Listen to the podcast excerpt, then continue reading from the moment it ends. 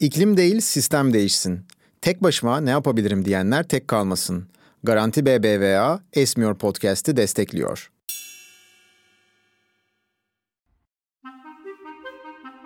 Esmiyor Podcast'in bugünkü bölümünde konuğumuz Profesör Doktor Murat Türkeş ve kendisiyle güncel olarak aslında çok gündemde olan ama Esmiyor olarak yayınımızdaki ilk günden beri gündemde tutmaya çalıştığımız bir konuyu konuşacağız. Bu arada bu kaydı yaptığımız tarih 7 Mart 2023 Salı günü yapıyoruz ve aynı haftanın Cuma günü yayınlanacak. Aslında yaptığımız tarih ilk defa ben bu arada kayıtta söylüyorum. Şu anda Podbi stüdyolarında bunu ilk kez dile getirdim ama neden dile getirdiğimi de kaydın ilerleyen safhalarında söyleyeceğim. Hocam hoş geldiniz. Hoş bulduk Berin sağ ol. Nasılsınız hocam? Teşekkür ederim. İyiyim. E, çalışıyoruz. E, işte bizim konular da e, bir ne yazık ki deprem felaketi bir ara verdi ama yeniden işte hava iklim kuraklık bu sıra yeniden haberi anlatıyoruz, yazıyoruz yazabildiğimiz kadar. Arkada akademik çalışmalarımız sürüyor.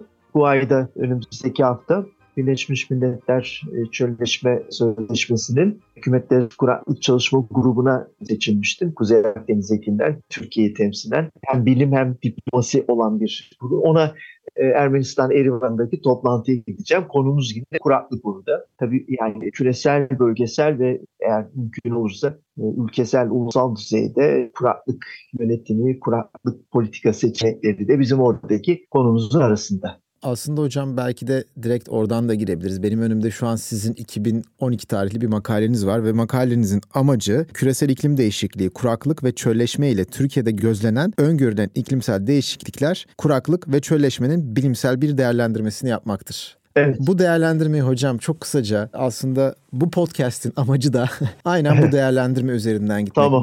Şöyle söyleyeyim hocam İstanbul Teknik Üniversitesi'nde işte bu meraktan AYB'de yüksek lisans yaparken iklim değişikliği ile ilgili bir derste ilk girişte hatta Türkiye'nin çok sulak bir tarım ülkesi olduğuna dair size coğrafya dersinde eğer 90'larda ilkokulda bir ders verdilerse anlattılarsa bu tamamen yalan. Aslında bu çok doğru bir bilgi değil diye girilmişti. Evet nedir yani suyla olan ilişkimiz ve bunun bize yarattığı riskler oradan belki bir girebiliriz çok kısaca. Tabii önce şunu söyleyeyim. E, ne yazık ki yok edilmek üzere olan, yok olan bir ders coğrafya ama coğrafya bir şey öğretmezler zaten söylemezler ama e, coğrafya bağını kurmak gerekiyor. Yine bu bilgiyi ilk öğreneceğimiz yer biliyorsunuz ortaokulda, lisede, orta öğrenimde coğrafya dersi. Ama coğrafya dersi şu anda sadece sözelde bir ağırlığı var. Eşit ağırlıkta kısmen ondan sonra neredeyse ilk birinci sınıf dışında galiba fen isterse öğrenci eşit ağırlıkta e, bir daha ikinci sınıftan yani lise 2'den sonra artık kaçıncı sınıfa denk geliyorsa görmeyebiliyor. Bu böyle bir şey. Konuyu şöyle alıyoruz biz, ona şöyle diyoruz. Türkiye'nin hidroklimatolojisi açısından, yani Türkiye'nin yağış klimatolojisi ve su iklimi açısından, e, Türkiye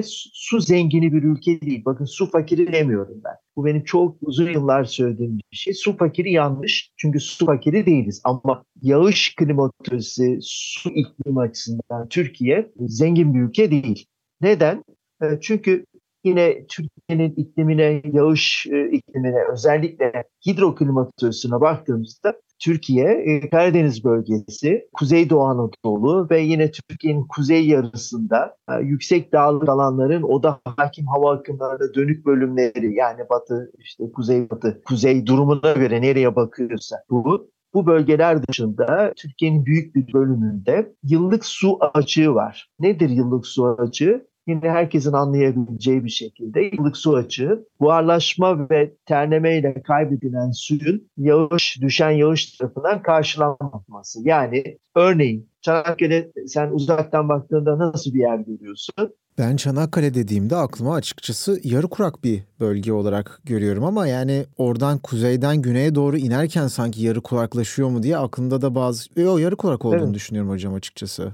Çanakkale şöyle söyleyeyim hemen yani merkezden içeriye doğru evet. biraz gidince evet. E, biraz azalıyor ama Kaz Dağı'na doğru gidince yine bu yöredeki e, dağlık alanlarda biraz artıyor ama genel olarak Çanakkale aslında içlere doğru biraz kurakça yarı nemli ama yarı nemli. Ama Çanakkale'de bile örneğin Kaz Dağı'nın kuzey yamaçları Hemen Çanakkale'nin yakınında. Lapseki'yi bilirsin. Onun arkasında e, dumanla yüksek dağlık alanlar var. İşte 1000 metre, 900 metre civarında. Bu bölgeler, e, bu dağlık alanlar, bunların özellikle kuzey ve batı bakımlarında nemli koşullar var. Yani çok dar bir alanda bile bir farklılık var ama yine de hidroklimatolojik açıdan Kuzey Anadolu, ağırlıklı Karadeniz, Kuzeydoğu Anadolu ve yüksek dağlık alanlar özellikle hakim uygun bakılara sahip dağlık alanlar dışında Türkiye'nin hidroklimatolojik açıdan su zengini olmadığını bir daha altını çizdi. Neden? Çünkü biz çeşitli indislerle Türkiye iklimini çalıştığımızda Türkiye'nin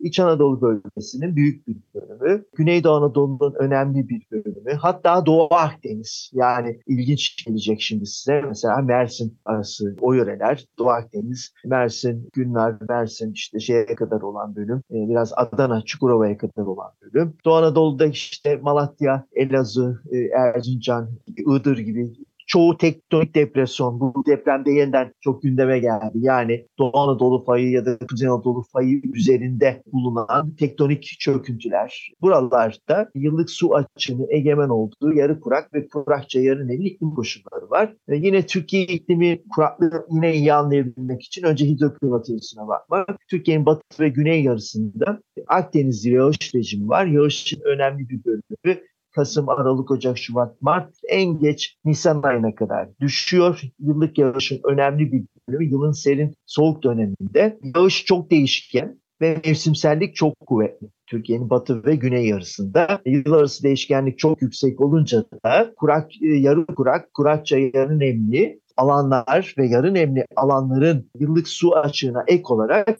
Türkiye Türkiye bir bütün halinde giderek daha da şiddetlenen kuraklığa eğilimli bir ülke. Yani klimatolojik coğrafi kuraklığın dışında Türkiye özellikle Türkiye'nin batı ve güney yarısı İç Anadolu bunun içine dahil kuraklığa eğilimli. Yani yıl, yağışın yıllar arası değişkenliği tabii artık buharlaşma da çok önemli. Yağış, sıcaklık, buharlaşmanın da yıllar arası değişkenliğiyle bağlantılı olarak Türkiye yağış getiren egemen sistemlerde yani Türkiye yağış taşıyan cephesel Orta Enlem ve Akdeniz siklonlarının özellikle son 30 e, yılda kış mevsiminde eskisinden ülkemizi daha az ziyaret etmesi ve mevsimine göre değişir bu.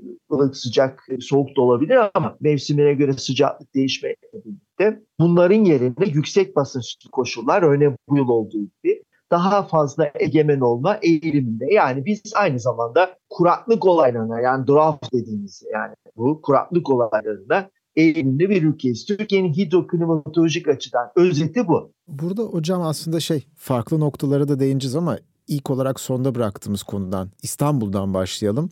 İstanbul'da bu kaydı yaptığımız tarihte %35 baraj doluluğu var. Bunun neredeyse yarısını da Ömerli Barajı oluşturuyor. Bu kaydı evet. yaptığımız tarihi bilerek söyledim. Herhalde bu tarihten sonra çok fazla yoğun bir kar yağışı beklemiyoruz. Yavaş yavaş da yağışların azalacağı ve yani yani tekrar ellerimizi açıp Ağustos e, Eylül ayında tekrar yağış bekleyeceğimiz bir Yani son bir haftada %5 kazancı oldu İstanbul'un. Doğru. Son bir haftanın yağışlarından yanılmıyorsam %5 doluluk oranında bir kazancı oldu. Ama senin de söylediğin gibi benim de bu yıl yeniden aylardır anlattığım gibi e, giderek e, Mart'la birlikte biliyorsunuz hadi Mart'ta yine olur ama Nisan'la birlikte etkili, bütün ülkeyi etkileyen, e, etkili, uzun süreli, verimli e, barajları, göletleri, akarsuları doyuracak, toprağa nem oluşturacak cephesel sistem yağışlarının yerini biliyorsunuz yerel konvektif kararsızlık yağışları alır ve bu tabii bu kış yağışları gibi böyle çok yaygın bir etki yaratmaz. İkincisi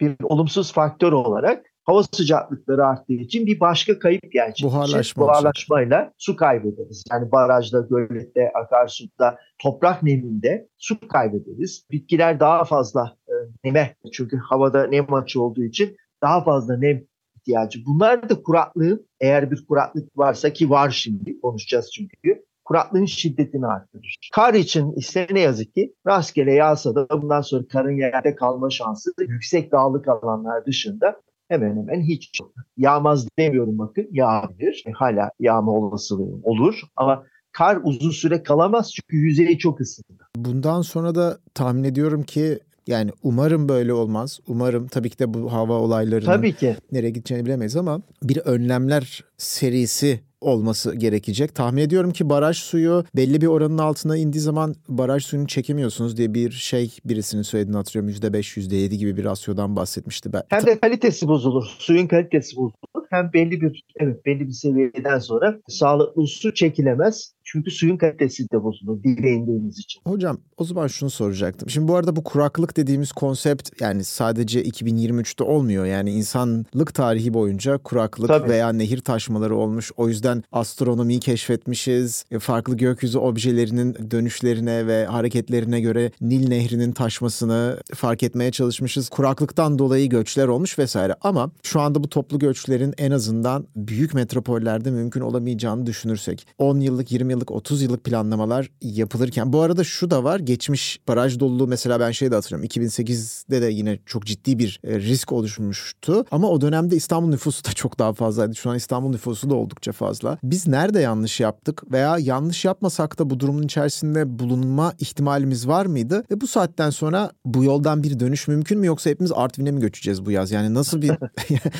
ne olması gerekecek acaba? Yani son 20-30 yılda pek çok kuraklık yaşadık ama sıklık ve şiddetli kış mevsiminde artıyor.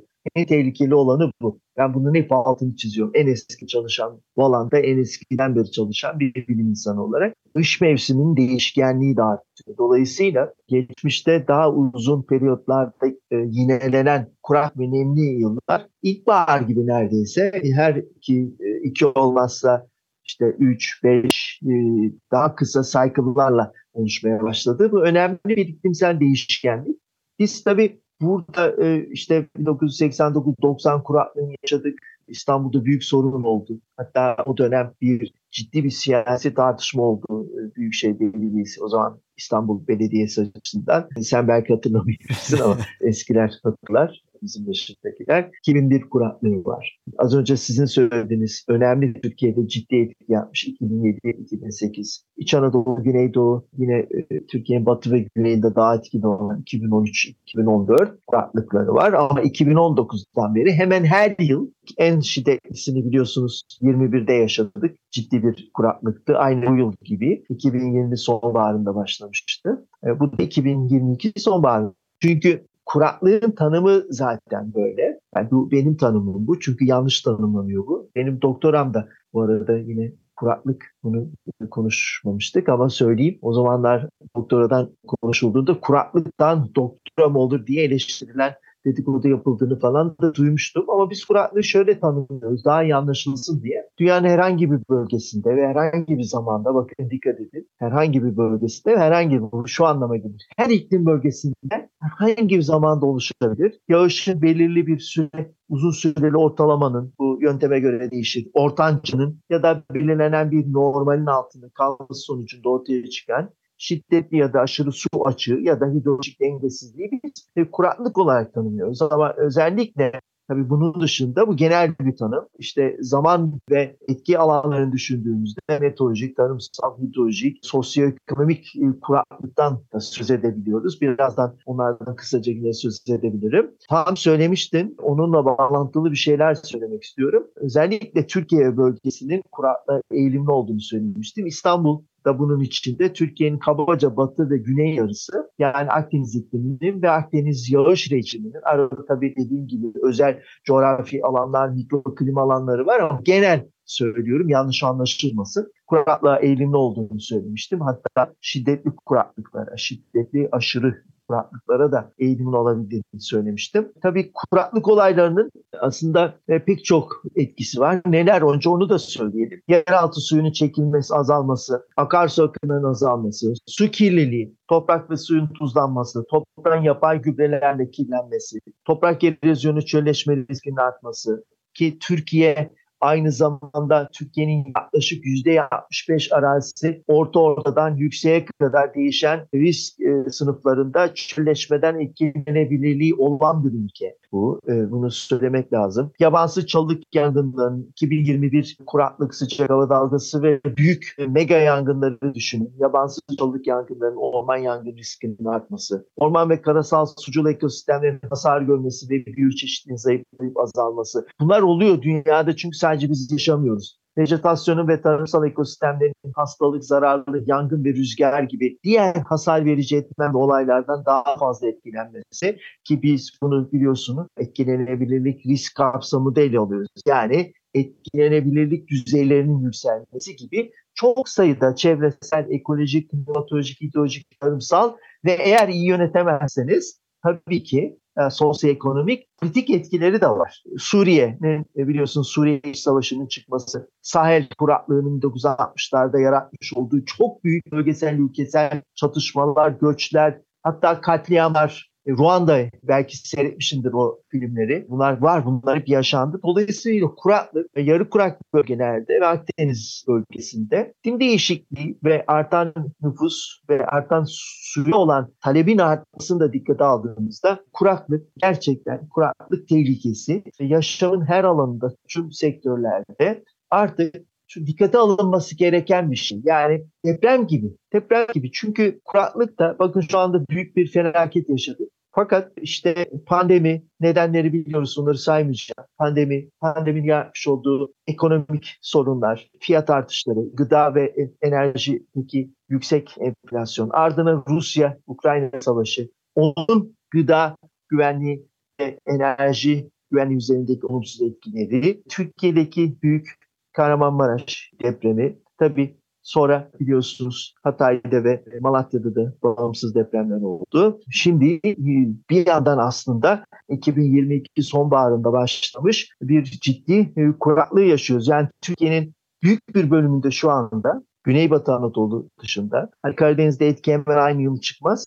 Güneybatı Anadolu dışında Türkiye'nin büyük bir bölümünde hem meteorolojik hem tarımsal hem biyolojik açıdan şiddetli, çok şiddetli hatta bazı yerlerde aşırı şiddetli kuraklık yaşanıyor. Bunun tabii tarımsal rekolte üzerinde özellikle tahıllar üzerinde yani buğdayginler, baklagiller dahil ciddi bu yıl bir kayba neden olması da bekleniyor. Yağışta çok ciddi bir azalma var. E, kuraklık böyle bir olay. Peki ya benim korkum tarımsal kuraklık olduğu zaman şöyle bir döngü oluyor mu? Siz o tarımsal kuraklığı bertaraf etmek için daha fazla su kullanmanız gerekiyor ama daha fazla su Tabii. kullanırsanız da kısıtlı su kaynaklarını oraya göndermek durumundasınız. Yani öyle bir şey herhalde olamıyor. Yapamıyorsunuz. Yapamadığınız için de işte o yıl rekolde yani şu anda Türkiye'nin önemli bir bölümünde tahıllarda ciddi sorun var. Yani işte şu anda 15-20 santim e, olması gereken buğday örneğin arpa pek çok yerde 5-10 santimde kaldı. İşte e, bundan sonra işte bu onun fenolojik e, aşamaların yeteri kadar zamanında olamayacağı için örneğin kardeşlenmesi şu buyu. Tabii bunu ne yapmanız lazım? Kasım'dan beri sorun var. Daha toprağa attığınızda toprakta su yoktu, nem yoktu. E, o zaman bunların işte hem daha kış sebzeleri bile bu yıl su sulanmak zorunda kaldı. Biliyorum, okuyorum bunu. Özellikle batıda ve güneyde. Ama kuraklık yaşadığımız için zaten tüm sistemde demin ki tanımladığım kuraklık tanımından hatırlayın bir ciddi hidrolojik dengesizlik söz konusu. Yağışa dayalı kuru tarımda her tarafı sulayamayacağınız için. E, baklagiller yine kıraçta yetişiyor pek çok. Yani onu da sulayamayacağınıza göre bir bütün halinde özellikle tahıllarda bu yıl 2021'de olduğu gibi ne yazık ki rekolte düşüşü olacak. Tarımla uğraşan çiftçi ekonomik kaybı uğrayacak. Deprem bölgesi bir bütün halinde Türkiye'nin tarım açısından çeşitli ürünlerde %15 ile 20-25 arasında katkısı olan bir bölge. Üstüne kuraklık. Türkiye'de bu yıl gerçekten gıda fiyatları, gıda enflasyonu ek yeni bir yüksek enflasyon bizi bekliyor diye düşünüyorum. Bunu çok üzülerek söylüyorum. Çünkü bu böyle oluyor. Böyle bir döngü bu gıda ve enerji fiyatlarında bir yüksek enflasyon olduğunda yine çok iyi biliyoruz. Yani FAO'nun Birleşmiş Milletler'inde Türkiye'de istatistikumun verileri de bunu gösteriyor. Bu tür gıda ve enerji fiyatlarındaki yüksek fiyatlar gıda ve enerji krizinin üst üste geldiği dönemlerde yeniden normal fiyatlara bu enflasyon etkisinin düşmesi, halkın alım gücünün yeniden bu yeni fiyatlara uygun hale gelmesi için 3-5 yıl geçmesi gerekiyor. Bu istatistik istatistikler bunu bize gösteriyor. Garanti BBVA, kurucusu olduğu SALT'ın iklim değişikliğinin etkilerine dikkat çekmeyi amaçlayan bu son şansımız mı gösterim programını destekliyor. 7 farklı ülkeden belgesel filmleri bir araya getiren 2024 seçkisi 29 Şubat ila 24 Mart tarihlerinde Salt Beyoğlu'ndaki açık sinemada ve saltonline.org'da izleyicileriyle buluşuyor. Gösterimleri kaçırmayın. Detaylı bilgi için saltonline.org'u ziyaret edebilirsiniz. Yani aslında burada suya ilişkin bir problem ki bu hava olayları kaynaklı olarak bahsettiğiniz gibi doğuyor. Onu ardından tarımsal rekolte düşüklüğü, o sebep orada bir gıda güvenliği problemi ortaya çıkıyor. Siz tabii ki de Kesinlikle. insanlar ve hayvanlar beslenmek durumunda. O yüzden büyük ihtimal belki ihracata yönelmek zorunda kalıyorsunuz veya belki daha pahalı ikame ürünlerle onu ikame etmeye çalışıyorsunuz. Aslında bir zincir bu. Yani hep biliyorsunuz hani bir hukukçu tarafından bize işte su haktır gibi söyleniyor. Ben yani sunun hak olduğunu çok düşünmüyorum. Çünkü yani hak dediğimiz şey aslında işte isim hakkı gibi, işte onurlu bir şekilde yaşam hakkı gibi veya oy verme hakkı gibi şeyleri görüyorum. Yani su o kadar temel bir ihtiyaç değil. Yani bizim de yapı taşlarımız, hücremize baktığımız zaman da çok büyük bir çoğunluğu sudan oluşuyor. Vücudumuz içerisindeki kimyasal ve elektromanyetik süreçleri yönetmek için de suya ihtiyacımız var. Yani su böyle hak olarak ayrı olarak baktığım bir şey değil. Yani suyun yokluğu önlenemez. Su yönetilmesi gereken önemli bir varlık. Evet. Su başka bir slogan daha var. Su hayattır, su yaşamdır. Doğru. Herkesin suya yeterli, sağlıklı, temiz içme suyunu e, ulaşma hakkı vardır bu hak sürekli sürdürülebilir olmak durumunda. Dünyada sadece insanlar yok. Doğal ekosistemlerde yaşayan canlılar var. Biyoçeşitlik için yine su gerekli. Biz aynı zamanda suyu yönetirken onların yaşam haklarını da düşünmek zorundayız. Yani bir baraj yaptığımızda ya da bir yerden bir yere su transferi yaptığımızda bunu sadece mühendislik meselesi değil, doğa bilimleri tarafı var sosyal tarafı var, e, biyoçeşitlik tarafı var. Binlerce yılda ortaya çıkmış, örülmüş o ekosistem ilişkileri, oradaki yaşam birliklerinin ilişkilerini hepsini dikkate almamız gerekiyor. Ekosistem yaklaşımı, sürdürülebilir iklim dostu, efendim bir sürdürülebilir tarımın, su kullanımının, aynı zamanda bir ekosistem çok disiplinli, çok sektörlü, disiplinler arası katılımcı, demokratik bir ekosistem, bilimsel ekosistem yaklaşımına da ihtiyaç var. Yani bu, bu, bu kapsamda. Çünkü işte kuraklık oldu, tahıllar sıkıntıda 25-30 santim Ege'de, e, Akdeniz'de, Çanakkale'de olması gereken buğday 5-10 santimetre kalmış. E, her tarafta kuru tarım yapılan yerlerde bunu sulama olanağı yok. Sulama yapılacak yerlerde su yok. Zaten sulama yapılacak ürün için e, ayrılmış durumda.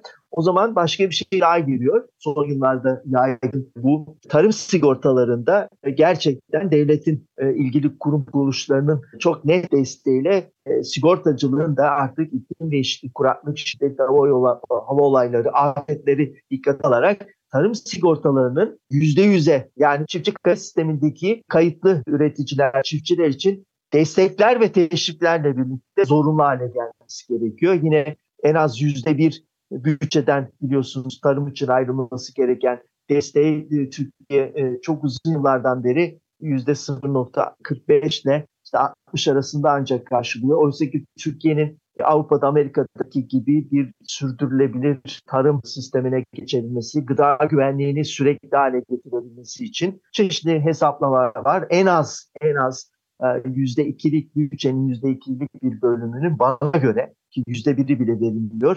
Tarıma, çiftçilere sağlanmalı diye düşünüyorum bu kapsamda. Hocam su kaynaklarımıza baktığımız zaman aslında bunların yani raporlar çok sürekli güncel rapor olmasa da en azından benim bulabildiğim kadarıyla nereye ayrıldığını görebiliyoruz. Çok büyük bir kısmı %75'ten büyük bir kısmı tarıma. Bunun içerisinde borulardan evet. oluşan sızıntılar var, barajlardan oluşan buharlaşmalar kayıp var. Kayıp çok yüksek ayrıca. Heh. Tarımda kayıp %75-80. Yani suyumuzun %70'ini tarıma veriyorsak çeşitli rakamlar var. %70-75 diyor. Evet. Ama yüzde yine çeşitli rakamlar %70-75'te kayıp kaçak var e, tarımda su kullanımında. Yani %70'in en muhafazakar olanları alalım. Mesela %70 tarıma ayrılmış. %70'in %70'i kayıp evet, mı oluyor? Aslında, korkunç bir şey. E peki hocam ben mesela burada şunu çok sinirleniyorum. Şimdi su azalınca bize diyecekler ki dişini 30 saniyede fırçalama, dişini 1 saniyede fırçala, duş yapma, onu evet. yapma, bunu yapma. Evet. Ben, yani hesap... Bana kızma ben, ben de söyleyeceğim. Ötekilerin yanı sıra söyleyeceğim. Hocam, Ama ötekilerin yanı sıra söyleyeceğim. Ben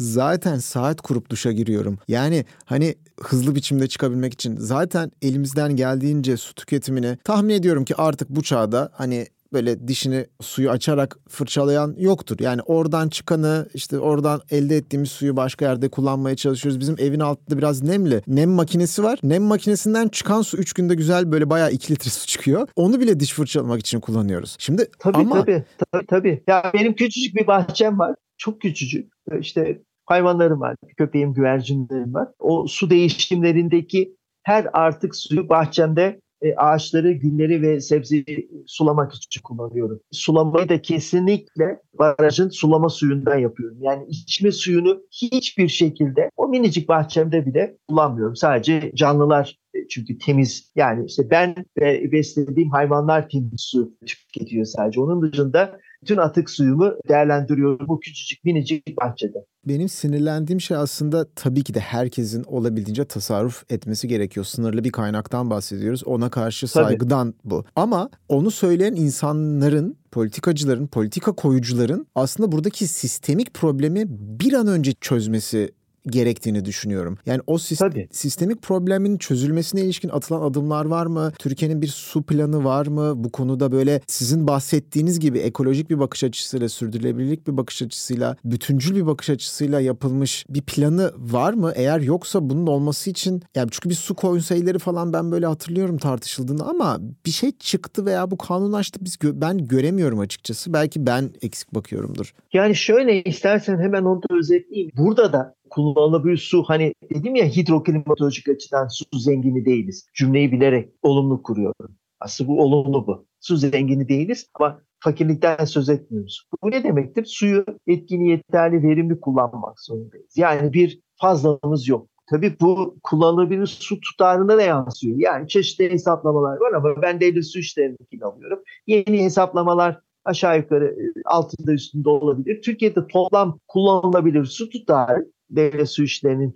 TÜİ'nin, Kalkınma Bakanlığı'nın hepsi tabii devlet su işlerini kullanıyor. 112 milyar metreküp hesaplanmış ya da 112 kilometre küp. Türkiye nüfusunun örneğin 2019-20 yaklaşık 85 milyon olduğunu düşünebilirsek toplam kullanılabilir su tutarında 112 milyar metreküp olduğunu düşünürsek aşağı yukarı Türkiye'nin kişi başına yıllık ortalama yaklaşık 1330-1340 metreküp su var. Nüfusun hala arttığını dene düşündüğümüzde dünya ortalamasının yaklaşık %18'ine karşılık geliyor bu tutar. Yani bir yandan da işte Türkiye'nin hem kurak dönemlerde hem iklim sonucunda gelecekte iklim daha sıcak ve daha kurak, değişkenliğin az önce sözünü ettim başladı bile, değişkenliğin daha yüksek olacağı dönemlerde e, yeterli su açısından ciddi sorunlarla karşılaşabileceğini çok açıkça gösteriyor. Türkiye'nin tabii biliyorsun toprak kanunu gibi ki tema Vakfı'nın büyük çabalarıyla çıkmıştır. E, toprak koruma ve arazi kullanım yasası bir yine suyu da koruyan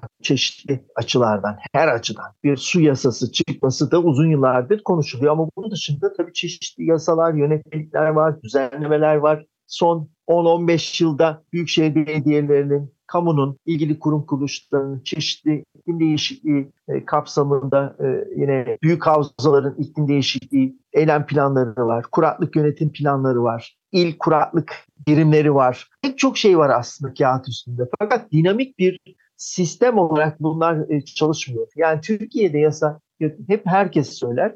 Biz de o hale geldik. Yasa yönetmelik var, düzenlemeler var. Kamunun yaptığı çalışmalar var. Son yıllarda üniversite işte kendi çapını yapıyor. Büyükşehir belediyeleri yapıyor. İşte Ankara, İstanbul, İzmir yapıyor. Özellikle işte Antalya başladı pek çok yerde. Kamunun kendi dediğim gibi iklim değişikliği, kuraklık yönetim çalışmaları var. İşte e, Türkiye'nin iklim değişikliği e, eylem ve strateji planları var filan ama dinamik su kullanımı, su yönetimi, suyun yönetilmesi, kuraklık yönetim planları, kuraklık e, erken uyarı sistemleri gibi dinamik sistemler hep kağıt üstünde kalıyor. Yani örneğin şu anda orta bazı bölgelerde şiddetli kuraklık yaşanıyor.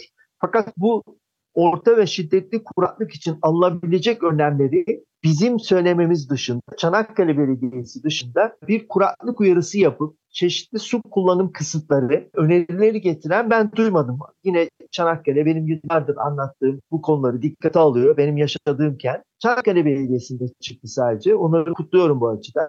Bizim dinamik sistemlere çok sektörlü, çok disiplinli, doğa bilimlerini dikkate alan, özellikle e, Türkiye'nin e, coğrafyasını, e, Türkiye'nin hidroklimatolojisini, kıratlık klimatolojisini dikkate alan dinamik sistemlere ihtiyacımız var derim. Uzatmadım umarım. Yo hocam hiç uzatmadınız. Burada yani tahmin edersiniz ki benim de geçmişimden dolayı kanunların aslında olup da bunun uygulanması gerek yargı tarafında uygulanması gerek de idari tarafta uygulanmasına ilişkin sıkıntıları maalesef ben de sıklıkla yaşıyorum. En başta şeyden bahsetmiştik hani bu ilkokullarda coğrafya dersi vesaire gibi Çok. konularda Sırrı Erinç hocanın çok evet. sevdiğim bir arkadaşım İTÜ'den Sevil bana Sırrı Erinç hocanın bu arada bir fanı kendisi. E, sahaflardan da kitaplarını toplamış. İlkokul dersleri. İlkokul dördüncü sınıf coğrafya kitabı var ve o kadar güzel bir kitap ki. Çünkü kitapta yaşadığımız yani en azından ben büyürken yaşadığım gibi akarsuların isimlerini ezberletmek yerine şöyle bir giriş yapmış. Bu dersi çok seveceksiniz çünkü size yaşadığınız köyü, kasabayı, şehri, vatanımızı, komşu ülkeleri ve nihayet bütün dünyayı öğretecek. Yani coğrafya aslında gerçekten bu de yani. bu. Bu tabii yani evet çeşitli derslerde ilk öğretimde artık iş e, orta öğrenime döndüğünde yeni sistemde 8, 9, 10, 11 işte kaçıncı hangi sınıflara denk geliyorsa ortaokul sondan başlayarak öyle diyeyim sana o eskiye karşılık gelen ama lisede herkesin tıpkı matematik ve Türkçe okuması gerektiği gibi coğrafya okuması gerekir. Yani e, genel coğrafya biliyorsun hem fizik hem beşeri coğrafya. Doğru. En güzellerini de Sırrı Hoca yazmıştır bu arada söyleyeyim genel coğrafya, fizik coğrafya, Türkiye coğrafyası, ülkeler coğrafyası bunların hepsinin okutulması gerekiyor. Çünkü ülkeyi yönetenlerin özellikle mühendislerin yani bütün bu sistemi bunun mühendislik projelerini yapan, işte dikkate alan, mühendislik hesapları yapan, hidrolojide, inşaatta, şehir bölge planlamasında en temel bilgi yaptığı alanla ilgili en temel bilgi, doğaya ilişkin, en havaya, havaya, suya, toprağa, atmosfer, hava, iklime ilişkin en temel bilgi, hatta depremler, hatta tektonik ilk alacağı ders neresi? Coğrafya dersi. Evet. Fakat coğrafya dersleri şu anda az önce de en başta söylemiştim çok körelmiş durumda. Sadece sözel öğrenci grubu okuyor.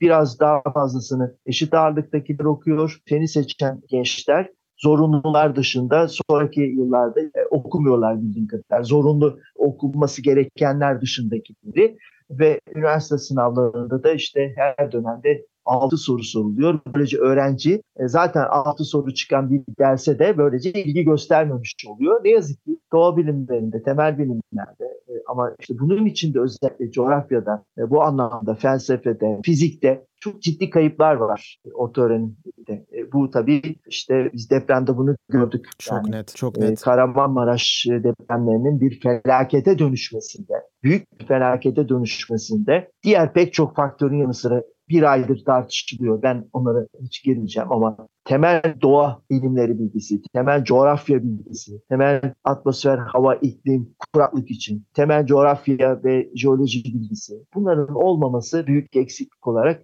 karşımıza çıktı. Çünkü sadece kuraklığa baktığınızda bile inanılmaz bir bilimsel, teknik, çok disiplinli bir yaklaşıma ihtiyaç var. Yani aynı aynı bütün afet yönetimlerinde olduğu gibi bir kuraklık yönetim planı da aynı depremdeki gibi izleme erken uyarı bilgi dağıtım sistemlerine ihtiyaç duyuyor. İkinci risk ve etki değerlendirmesi, savaşım azaltma yanıt önleme yani bu buna karşı yapılacak bütün mücadele. Dört etkilenebilirlik ve bunların altında pek çok bilimsel, teknik hatta teknolojik hatta sosyoekonomik ve çevresel pek çok iş var yapılması gereken. Bunların çok dinamik bir şekilde yapılması gerekiyor. Tabii kuraklık savaşı mı, kuraklık mücadelesi, kuraklığa hazırlıklı ve olmak, kuraklık karşı önlemleri de ayrı bir yine e, özellikle coğrafyanın, coğrafyanın içerisinde de klimatolojinin, hidroklimatolojinin ve hidrolojinin aynı zamanda ilgi alanlarına gidiyor. Yani burada kuraklık savaşı mı, kuraklık hazırlık ve kuraklık karşı önlemleri dediğimizde diğer afetlerde olduğu gibi uzun erimli, orta ve kısa vadeli seçenekler var. Bunların hepsi tabii bölgesel, e, ülkesel, havza bazında kentler için pek çok şey. Örneğin ben size bunlardan bir tanesini örnek verebilir miyim? Zamanımız var mı? Tabii ki hocam. Tabii ki. Tabii ki. Şimdi örneğin kuraklık savaşını, kuraklık hazırlık ve kuraklık karşı önlemleri dediğimizde bunların içinde uzun erimli seçenekler. Çünkü bizim artık daha uzun erimli düşünmek zorundayız. Biz çok kısa erimli düşünüyoruz. Biraz böyle günü yaşayarak aslında kotarıyoruz işleri ama örneğin su kaynakları açısından pek çok yapılacak iş var. Bunlardan bir tanesi birincisi arıza yönelik su biriktirme, depolama kapasitesinin kuvvetlendirilmesi. Bu büyük bir başlık bu. Tabii özellikle pek çok faktörü dikkate alarak bu çok konuşulduğu için ben bunu açmak istedim. Tarım dergisinde bu hafta bir önümüzdeki ay bir makalem de çıkacak. Sen de paylaşırım onu da. Mesela transfer e, konuşuluyor biliyorsunuz. Havzalar arası su transferi. Bu her yer için çok uygun bir şey değil ama transfere konu olabilecek kaynak, akarsu, yeraltı suyu, göl kullanmak olan diğer topluluklara bakın. Ekosistemlere ve oralarda yaşayan canlılara yani biyoçeşitlik zarar vermeden ciddi bir çevresel etki değerlendirmesi yapılıp bütüncül bir ekosistem yaklaşımı uygulanması koşuluyla uygun havzaları su transferinin e, geliştirilip artırılması Örneğin uzun erimli su kaynakları açısından uzun erimli alternatiflerden bir tanesi. Ama tek değildir. Buradan başlarsanız ve demin o saydığım o ayrıntıyı dikkate almazsanız yanlış yaparsınız. Çünkü iklim değişikliği koşullarında bu su transferi yapacağınız havzada da kuraklık olacak önümüzdeki yıllarda. Daha kuvvetli kuraklık olacak. Yeni ve ek potansiyel kaynakların bulunması, var olanların korunması.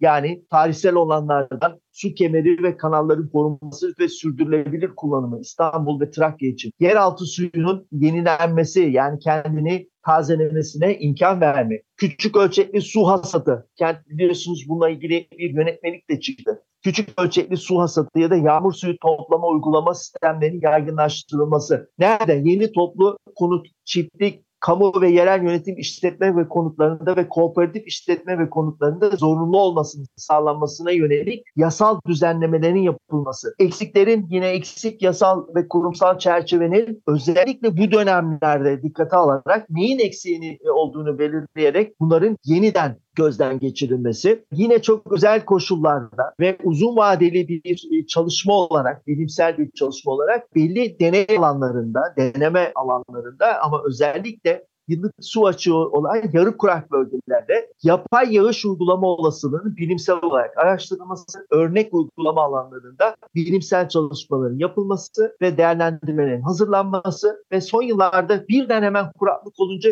suyun desalinizasyonundan söz ediliyor. Oysa ki tuzlu suyun desalinizasyonu yani suyun kullanılabilecek hale, deniz suyunun kullanılabilecek halde arıtılması çok özel ülkeler için. Nedir? Tuzlu. Özellikle çok kurak ve kurak iklim koşullarının egemen olduğu kıyı kuşağındaki yerleşmeler ve kurak kıyı ülkeleri için örneğin Suudi Arabistan için. Birleşik Arap Emirlikleri. Örnek olsun diye söyledim tuzlu ve kirli yani e, normalde arıtılmadan kullanılmayan e, uygunsuz suyun arıtılması e, böyle düşünülmek zorunda. Yani bizim öncelikli buradan bütün anlattıklarından zaten onu da söyleyeyim atık suyun son olarak geri dönüştürülmesi, iyileştirilmesi ve yeniden kullanımı. Ama bizim gibi ülkelerde yani mutlak çöllerin ve mutlak kurak alanların olmadığı yerlerde bizim en önemli konumuz yağış suyundan yüzde yüz yararlanabilmek. Yani yağışın her damlasının etkili yağış olmasını sağlamak, toprağa, e, doğal ekosistemleri, tarımsal havzaları, su toplama havzalarına gelen yağışı maksimum düzeyde yararlanmak ve e, yine büyük kentlerin ve büyük ovaların gereksinim duyduğu suyun su toplama havzalarında en yüksek düzeyde toplanmasını, barajların, göletlerin, akarsuyun, yeraltı suyun beslenmesini sağlamak gerekiyor. Yani bu da su havzalarının özellikle büyük kentlerin çevresindeki su havzalarının orman ekosistemlerinin e, korunmasıyla mümkün olabilir. Biz bütün su havzalarını daralttık. İstanbul neden önce topa giriyor kuraklıkta? E, İstanbul'un büyük su havzası yok ki. Evet. Hocam burada aslında şöyle özetlersek yani mühendislik açısından baktığımız zaman anladığım kadarıyla bir verimlilik probleminden bahsediyoruz. Çünkü desalinasyon gibi bir konudan bahsetseydik ki işte Birleşik Arap Emirlikleri'nde mesela böyle bir uygulama var. Biz de yerinde inceleme fırsatı tabii, bulduk. Evet. Şimdi orada tabii desalinasyonda çok zengin bir ülkeden bahsediyoruz. Yani yeraltı kaynaklarından elde ettikleri fonu orada yatırabiliyorlar. Ben burada İTÜ'de birinci sınıf öğrencisiyken dört kişilik bir ailenin... Yatırabiliyor bir tam kurak ülke, iki zengin bir ülke. Üç, üç ama o suyu çok iyi değerlendiriyor sonrasında. Ah, Aynen öyle. Bir de oraya bağlayacaktım. Ben 2021'in ocağıydı galiba bir hesaplama yapmıştım. Birleşik Arap Emirlikleri'ndeki faturalandırma yöntemiyle eğer biz full desalinasyondan İstanbul'da suyu elde etseydik tekrar diyorum 2 sene önce 24 ay önce bakın bu arada evet. yüzde, yüzde 180 Hı-hı. enflasyon var. Su faturası 1200 lira geliyordu 4 kişilik bir ailenin. Şimdi etti o 3000 oldu diyelim mesela. Yani hani ama bunu şey anlamda söylemek istiyorum. Yani işte o zaman üç tarafımız denizlerle çevrili hadi deniz suyunu şey yapalım. Ya yani o iş o öyle bir iş değil değil. Değil değil bir kere yani maliyet etkin değil. Bir akıl işi değil. Biz yağmur suyundan yararlanamıyoruz. Yani var olan suyumuzu yararlanamıyoruz. Türkiye'nin büyük bir bölümü öyle ya da böyle yılın önemli bir bölümünde bazıları yıl boyunca yağış oluyor ve biz yağış suyundan yararlanamıyoruz. Suyun toplanacağı havzaları korumuyoruz. Akarsuları kirletiyoruz. Havzaları kirletiyoruz. Mega yapılar, evler, kaçak yapılar, 2B arazisi bilmem ne. Sonra ilk kuraklıkta desanizasyon diyor. Akıl, akıl alacak iş değil. O yüzden aslında bizim problemimiz bir verimlilik problemi. Yani elde edilen evet, yani daha doğrusu... Yönetişim, yönetişim, verimlilik. E, tabii ki ben mesela onları da söyledim ama aynı zamanda tüm sektör ve su kullanım alanlarındaki talebin yani istemin yönetimi de çok önemli. Yani bunu bir kere bunu yapmak zorundasın. Nedir mesela? İkinci istersen izin vereyim. Yani bunları çok çalıştığım konular. Tüm sektör kullanımlardaki talep istem yönetimini nasıl geliştirebiliriz? Bir kere talebi azaltacaksınız. Su kullanımı azaltılması, suyun etkili, yeterli, verimli kullanılması, sürekli su tasarrufunu dikkate alan bir yaşam tarzı üretim biçimi, kayıp ve kaçakların azaltılması, su varlığının tesislerin gözden geçirilmesi. Burada hakserlik de çok önemli. İzleme, ölçme, öngörü, yukarıdaki hedefe yönelik olarak, bilinenlere ek olarak hep söylüyorum bunu. Coğrafya ya da fiziki coğrafya kökenli klimatoloji kuraklık ya da hidroklimatoloji uzmanlarının istihdamı. Ne yazık ki kamu kurum kuruluşlarında ve büyükşehir belediyelerde hiç yok coğrafyacı. Bağlantılı kullanımlar yani yüzey ve yeraltı bu ilişkilerin dengenin gözden geçirilmesi, eğitim durumu güncelleştirilmesi, geliştirilmesi, yaygınlaştırılması, tüm sektör ve kullanımlardaki su tarifelerinin gözden geçirilmesi. Eğer yoksa, eğer düzenleme olmayan bir su tarifesi varsa mutlaka iklim değişikliği, kuraklık, yaşadığımız sorunlar hepsini dikkate alarak bunun oluşturulması, su kanunu gibi yasal ve kurumsal çerçevenin gözden geçirilmesi ya da yeniden düzenlenmesi, sorumlu ilgili kurum kuruluşların sorumluluklarının, hak görevlerinin yeniden düzenlenmesi, bunların çatışmasına izin vermeyen bir düzenlemenin olması, gönüllü, zorunlu olmayan sigorta, fiyatlandırma ve ekonomik teşvik düzenekleri var olan e, zorunlu sigorta sistemleriyle birlikte hayata geçirilmeli. Tabii bunların her birisi tarım için ayrı, enerji için ayrı, sanayi için ayrı, kentsel su kullanımı için ayrı, çok geniş bir konu bu su ve kuraklık yönetim sistemi konusu çok çok geniş bir konu bu. Çok böyle kısa bir soru soracağım hocam. Bu Güney Afrika'da Johannesburg'da biliyorsunuz işte sıfırıncı gün mü gün sıfır mı diyorlar day zero dedikleri. Yani suyun artık biteceği gün biliniyordu. İşte 2022'de de oldu galiba daha önce de oldu. Ee, daha önce de oldu. Böyle bir şey bekleniyor mu? Yani bir şöyle söyleyeyim ben çok abartan bir bilim insanı hiç olmadı ama bilimin gerçeklerini de yani doğru söylemeye çalışırım. Eksiksiz söylerim ama hiç böyle bir sansasyon gibi hiçbir derdim olmadı. Ama İstanbul gibi büyük kentlerin öyle bir günü yaşamaması için bütün bu konuştuklarımızı dikkate alması ve nüfusun artık bir kişi bile artmaması. Çünkü bir yıllık kuraklıktan etkileniyor. Bakın hemen %30'un altına iniyor. Derin. Seneye de kuraklık oldu. İstanbul ne yapacak? 15 milyona temiz kullanılabilir içme suyunu Söyler misin bana nereden sağlayacak? O maliyeti orta düşük gelir grupları, fakirler, yoksullar nasıl sağlayacak? Ankara yaşadı bunu biliyorsun. Evet. 2007-2008'de. Evet. Tuvalete içme suyuyla girildi. Evet yani umarım bu kaydımız da bu çabalarda bir katkı olur. Bu arada hep bunları konuşurken şunu farkına varıyorum. Yani maalesef yani çok şanslıyız ki doğduğumuzdan beri bir kısmımız metal bir çubuğa dokunuyoruz, açıyor ve su akıyor. Dünyada 2 milyar kişi, dünyanın %25'i bunun en temel halinden bile şu anda mahrum. Onu geçiyorum. Şu anda işte deprem bölgesiyle ilgili olarak konuştuk. Deprem bölgesinde özellikle Hatay'da içme suyu, hijyen için kullanılacak su, duş, zaten onu geçiyorum. Yemek yapmak için kullanılan su konusunda inanılmaz büyük bir problem var. Su onurlu bir biçimde insan onuruna haysiyetine yakışır bir biçimde yaşamamız için ilk yani bir numaralı ihtiyacımız. Bu problemlerin çok hızlı bir biçimde planlanıp çözüme ihtiyacı var demek istemiyorum. Çünkü çok hızlı bir planlama bizde maalesef tepe... Ama var bakın Antakya'dan konuşuyorsun. Evet. Suyun bol olduğu su su medeniyeti. Evet. Harbiye şelaleleri. Yani şimdi orada bile bu var. Bütün seninle bugün konuştuğumuz pek çok unsur, pek çok öğe, pek çok pek çok değişken hiç dikkate alınmamış. Yani bir gün büyük bir afet olursa bu kadar su bolluğunun içindeyiz ama biz bu suyu nasıl o günler için saklarız diye bir kimsenin öyle bir derdi olmamış. Evet. Ya buradaki planlama hızında Türkiye'de genelde hızlı planlama yapılırken hız için uzlaşı, bütüncüllük, sürdürülebilirlik ve farklı zihinlerin bir araya getirip ortak iyi çıkartması yerine böyle tepeden inme şeyler olduğu için biraz çekiniyorum bunu demek yerine ama yani bu konuda çok hızlı biçimde hareket etmeye ihtiyacımız var. Hocam çok sağ olun. Vaktinizi ayırdınız. Bilgilerinizi paylaştınız. Bu konuda özellikle de bu hafta bir kayıt yapmanın çok değerli ve önemli olacağını düşündük. İki sebeple birincisi hem e, gündemli olan bir konu olmakla birlikte maalesef doğru adımları derhal atmazsak gelecek 4 ayın 5 ayın gündemini geçiyorum. Günlük hayatımıza direkt etki edecek bir konu olacak. O yüzden çok teşekkürler hocam. Emeklerinize ve vaktinize de çok sağ olun. Ben teşekkür ederim bana bu olanağı verdiğin için derin. Görüşürüz. Görüş, İyi bakın kendinize. Görüşmek üzere hocam.